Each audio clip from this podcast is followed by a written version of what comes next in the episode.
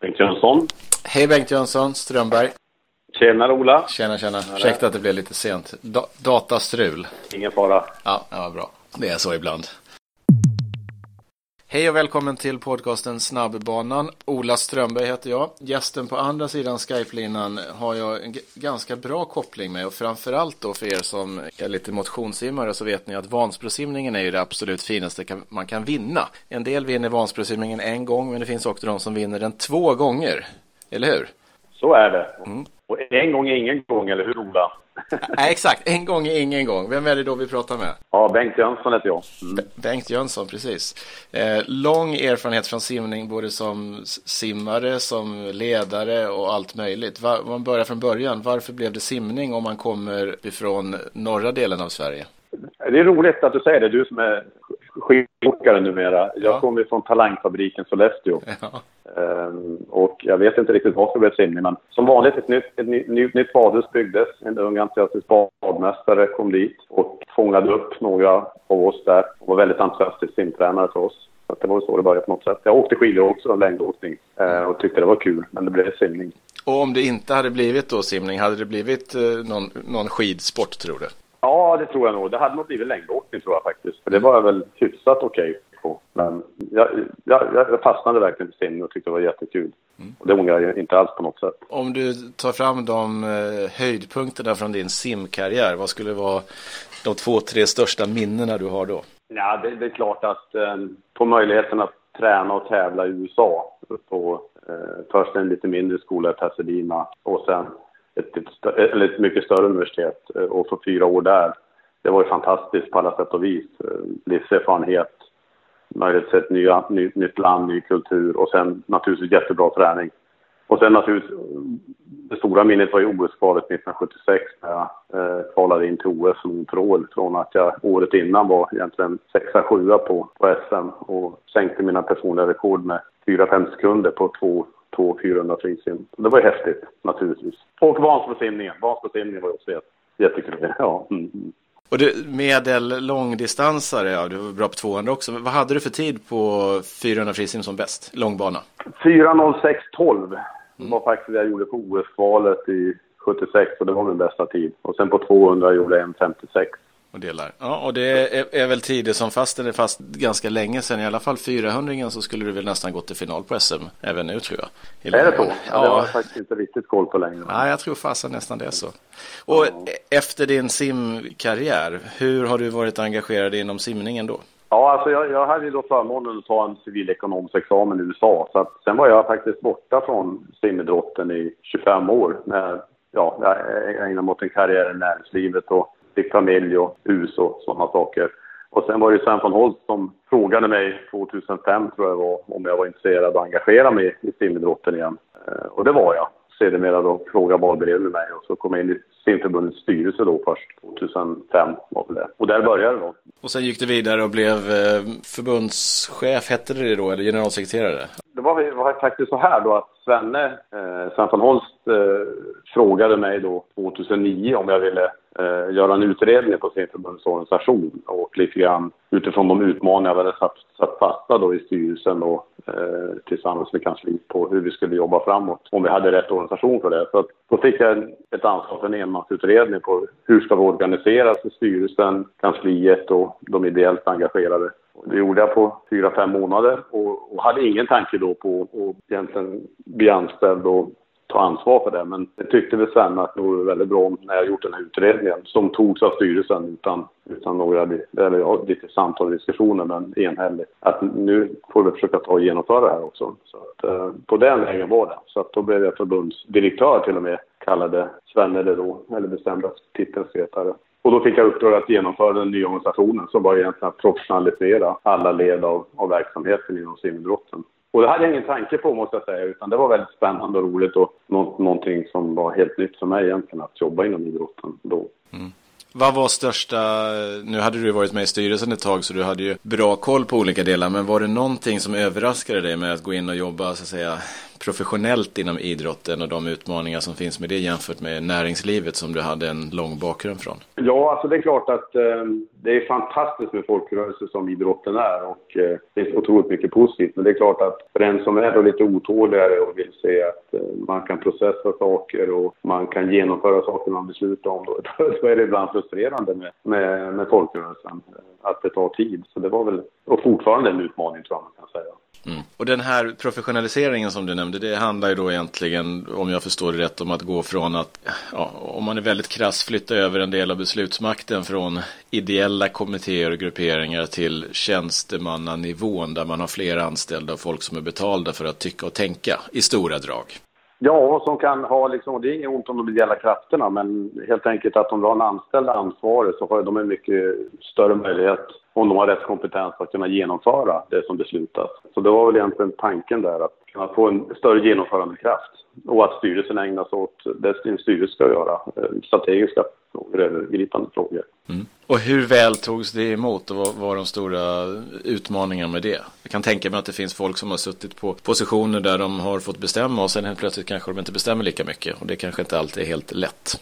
Ja, men det är precis som du beskriver, så, så var det naturligtvis. Och jag är väldigt ändå stolt över det vi gjorde. Vi, vi, har, vi skapade en organisation som var mycket mer professionell, som mycket mer kunde genomföra saker på ett snabbare sätt, ett effektivare sätt, ett tydligare sätt. Men det är klart att eh, det är en process allt det där också, att få, få alla med sig. Och det kanske man var lite för otålig ibland, så är det väl. Med det som du vet idag, är det någonting som du hade gjort väldigt annorlunda eh, när du var förbundsdirektör eller känner du att nej, det var nog eh, ungefär rätt då även med den informationen man nu har i efterhand? Man kan alltid göra saker annorlunda och man gör alltid saker fel. Och det är väl, det är väl möjligt man skulle ha lite, lite mer tålamod med förankringsprocessen, det kan jag nog säga. Men samtidigt så tycker jag vi gjorde en del väldigt bra saker. Och framförallt så är jag väldigt glad över en del av de väldigt lyckade rekryteringar man gjorde då in i den nya organisationen. Som många av dem är fortfarande kvar och gör ett väldigt bra jobb och det, det är väldigt roligt tycker jag. Du som har suttit i SOKs styrelse och även nu engagerad i ett andra förbund. Vad tror du, eller vad tycker du att Sverige, svensk simning är bra på jämfört med andra förbund? Vad är man eh, bättre på än andra idrotter? Till att börja med, om man ska börja i andra ändan, så när man, när man jobbar med SOK och, de, och framförallt på de individuella idrotterna, där är SOK väldigt viktiga. Så alla individuella idrotter nu har, tycker jag, en stor utmaning att kunna hävda sig mot, eh, mot de stora lagidrotterna. Och, och där känner jag alltid att eh, SOK är en väldigt stark kraft som kan hjälpa till med det. Simningen har ju då ändå, som individuell idrott, en väldigt stark bas i och med att man har simkunnigheten, eh, sim, simidrotten har simskolorna och eh, icke att förglömma starka föreningar relativt få föreningar med väldigt mycket medlemmar och de föreningar som, de flesta föreningar har, har ändå hyfsad ekonomi och kan ha många anställda, vilket är väldigt positivt i slutändan tycker jag. Så det, det, det är nästan unikt vad gäller att jämföra med andra individuella idrotter. Det är ett fåtal andra individuella idrotter som har så många anställda som, som simidrotten har, drygt 400 i, i föreningarna och omsätter ja, i alla fall på min tid 400 miljoner ungefär i de klubbarna. Det är ju starkt, det är ingen tvekan om det. Ja, det är mycket starkt. Den här som du nämnde med folkrörelsedelen, att det, är, det finns plus och det finns minus för det. Tror du att det kommer att utvecklas så att vi ser mindre av den traditionella folkrörelsedelen inom svensk idrott och mer av kanske internationellt snitt där man betalar mer för att få vara med men man kanske inte gör så mycket själv? Går det någonstans i den riktningen eller tror du att vi kan hålla fast vid vår modell? Ja, det där är en jättesvår fråga och väldigt svårt att säga var vi landar. landa. Men det är klart att den svenska folkrörelsemodellen med otroligt stark idrottsrörelse med många ideellt engagerade, det är jättestarkt och det är klart så mycket som möjligt det ska vi bevara. Men jag tror ändå vi måste gå till en professionalisering där de idrotter som har ekonomisk kraft eh, måste kunna anställa folk och kunna driva processerna snabbare framåt. För det är hela tiden, det är inte bara att vi konkurrerar med andra idrotter, det är fenomen utanför den traditionella idrotten som är jätteduktiga på att ta för sig. Inte minst swimrun om man nu tar det som ö till ö. Gänget och, och, och hela swimrun-expeditionen är ett bevis på hur entreprenörer kan ta för sig och är väldigt snabba och duktiga på alla sätt och vis. Och det är klart att då måste vi både kunna samarbeta med och kunna eh, konkurrera med på ett bra sätt. Hur skulle du se om du fick ett vitt papper på att utveckla svensk simning? Vad skulle man behöva göra för att få sporten mer attraktiv? Till att börja med är den ju attraktiv, det får jag väl ändå säga. Mm. Eh, det är ju en stark idrott och, eh, men jag tycker det är många bra saker. Jag ändå tycker att eh, en simtävling, även om det är många grenar och det är många långa tävlingar, så tycker jag, tittar man på SM så är det snabba, rappa tävlingar. Det är väldigt positivt. Jag tycker Swim Open, som eh, Henrik Forsberg, sportchef på simförbundet då, som liksom planterade den idén till Swim Open och jag stöttar den i allra högsta grad och vi fick ju Dennis Fredriksson som jätteduktig chef för det. Eh, det har ju utvecklats jättebra. Det tycker jag är ett bra exempel på att försöka hitta liksom, sätt att exponera simidrotten där. Men sen är ju, sen är ju simningen är ju jättestor global idrott, men i Sverige uppskattas den inte alltid efter sin, tycker jag, efter hur, hur duktiga vi är, ska säga. Så det är klart det är en utmaning. Eftersom skid, skididrotten ligger så nära svenskarna i hjärtat, till exempel. Mm. Mm, nej men det är sant. Och det kan, vara, kan ju vara så också att man, det var ju länge sedan det blev så, men lite inflation i mästerskap när man började ha eh, EM och VM i kort och lång bana och varje år och det är svårt att värdera insatserna. Så blir det också för vanligt folk lite svårt att se, är det här, är det här intressant att titta på eller inte? Ja, men det håller jag med om. Att jag tycker det är helt okej att ha kortbanemästerskap och långbanemästerskap. Men man ska ändå se till att varva dem med fyraårscykler på något sätt så att varje mästerskap är, är en höjdpunkt det året. Det tycker jag absolut.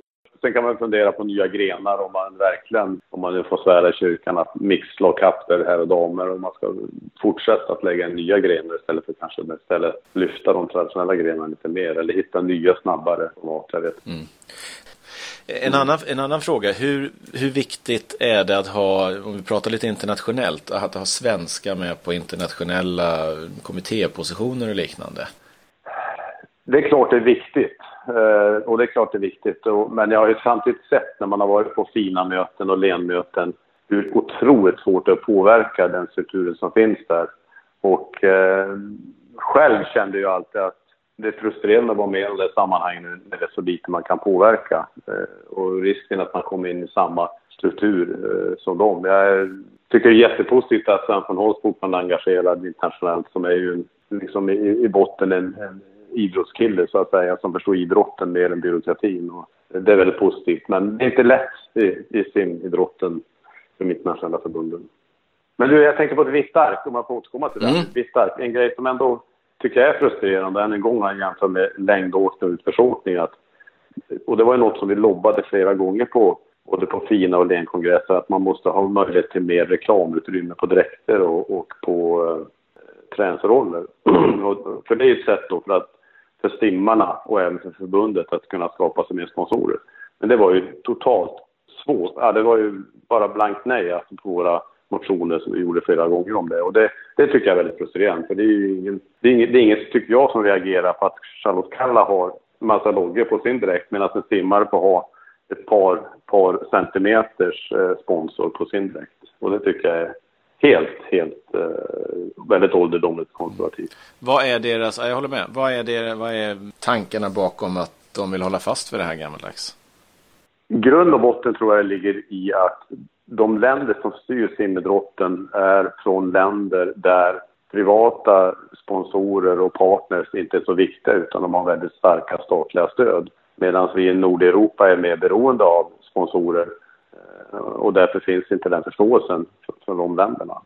Alltså jag vet att vi motionerade bara för att man skulle öka bredden på sponsorn eh, från om det var 5 cm till 10 cm, men det var ju omöjligt bara det. Så, att, eh, så där finns det mycket att göra.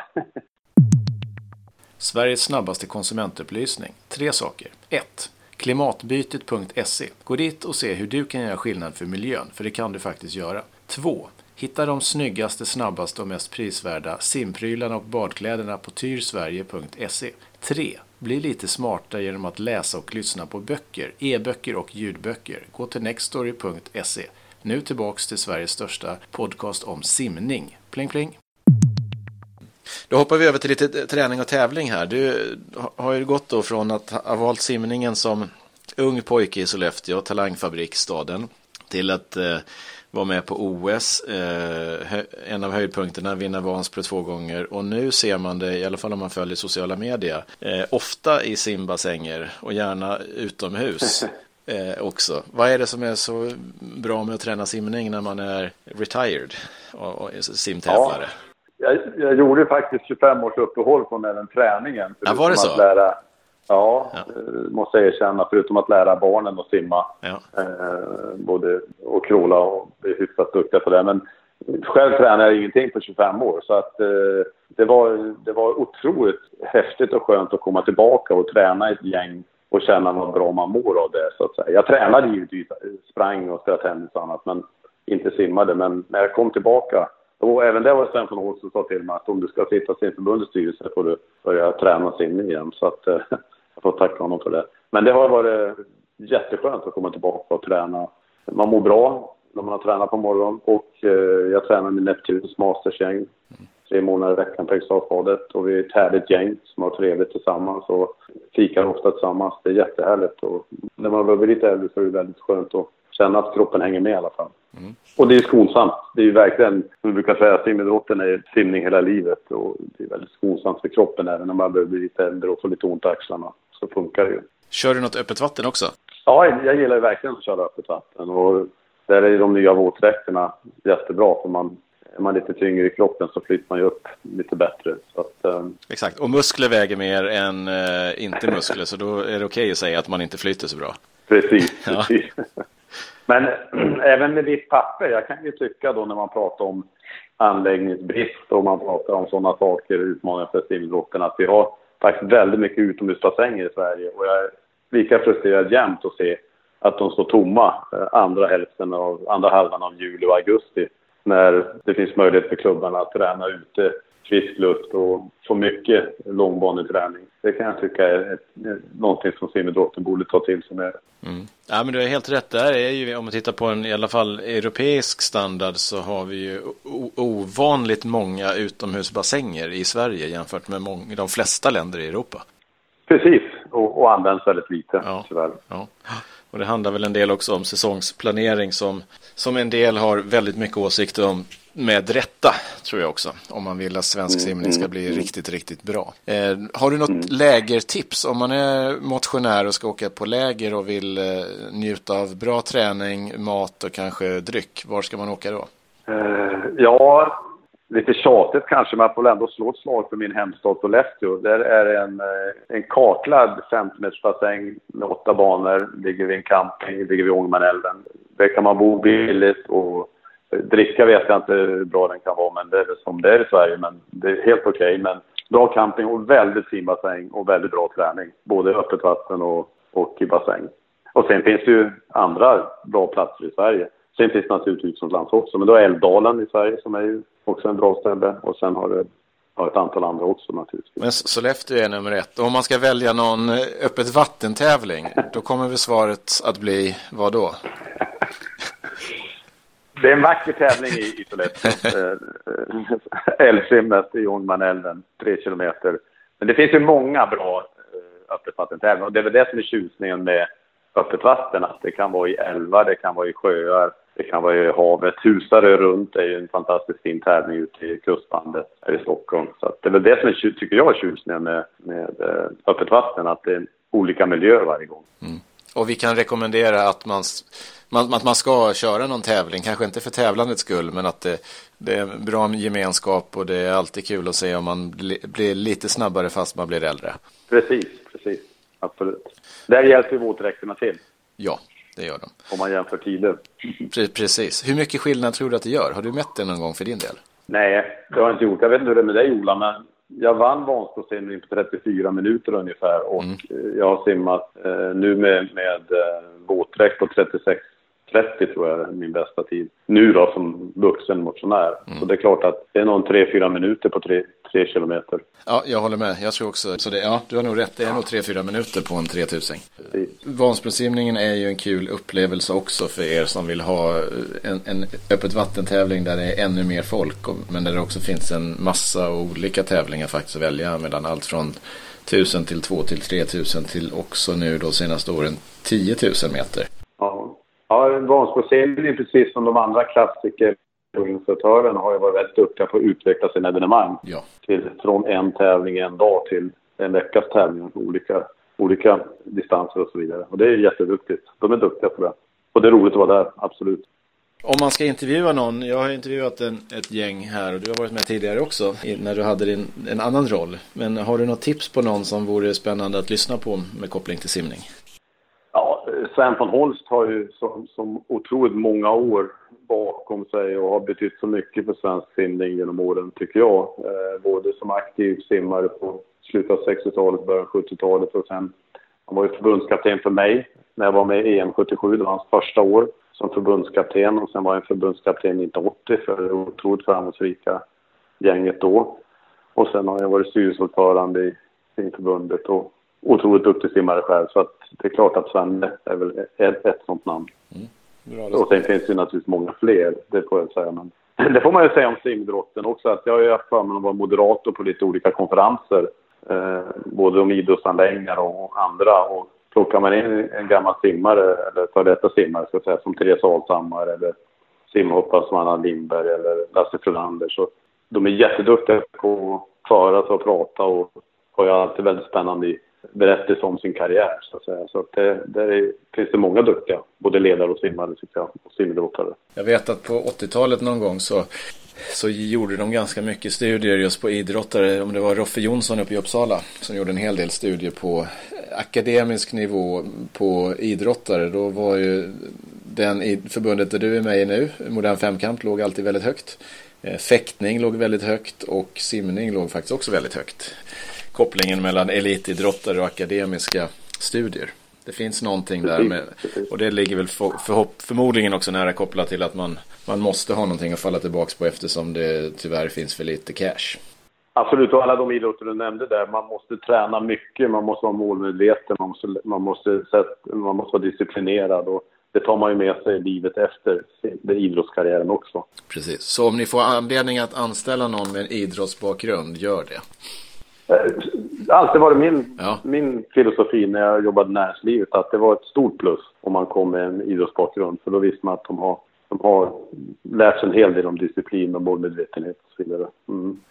Bra, då, eh, min sista fråga för dagen. När man simmar på snabbbanan, får man använda en så kallad Garmin-klocka där? Nej, absolut inte. Nej, bra svar. är, är det någon fråga som du hade specialförberett dig på som du inte har fått? Nej, det är egentligen inte. Um, så vi kanske vill ha några mer frågor om femkampen eller något sånt där. Det är lite spännande då med femkampen som idrott. Som uh, är ju en olympisk idrott med enorma anor.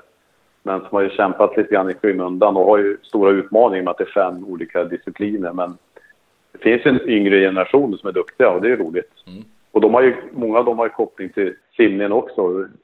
Inom killarna så har du Jakob och bland annat då ska vi säga Jakob och Ludvig Rasmusson som är söner till eh, Svante Rasmusson. Just som är duktiga i femkamp. Och sen har du ju faktiskt då Linnea Kron som är dotter till Anders Kron som också från Uppsala, duktig simmare. Precis. Och barnbarn till Kjell Karlsson som var min gamla tränare i Uppsala. Så att femkampen och simningen har en hel del gemensamt och det är duktiga idrottare där. Så att jag hoppas att några av dem kommer fram framöver. Ja, men bra Bengt, jag är jättenöjd. Toppen. Tack så mycket. Tack så mycket, kul att pratas vid. Glöm nu inte att gå över till klimatbytet.se och göra en god insats för ett klimatsmartare liv. När du är klar med det kan du gå till Next Story och signa upp för att läsa och lyssna på bra böcker. Och när du väl har gjort det, gå då till tyrsverige.se och shoppa loss bland snygga, snabba och prisvärda badkläder, simprylar och allt annat som du behöver för snabbbanan och även de banorna som inte är snabbbanan. Lycka till!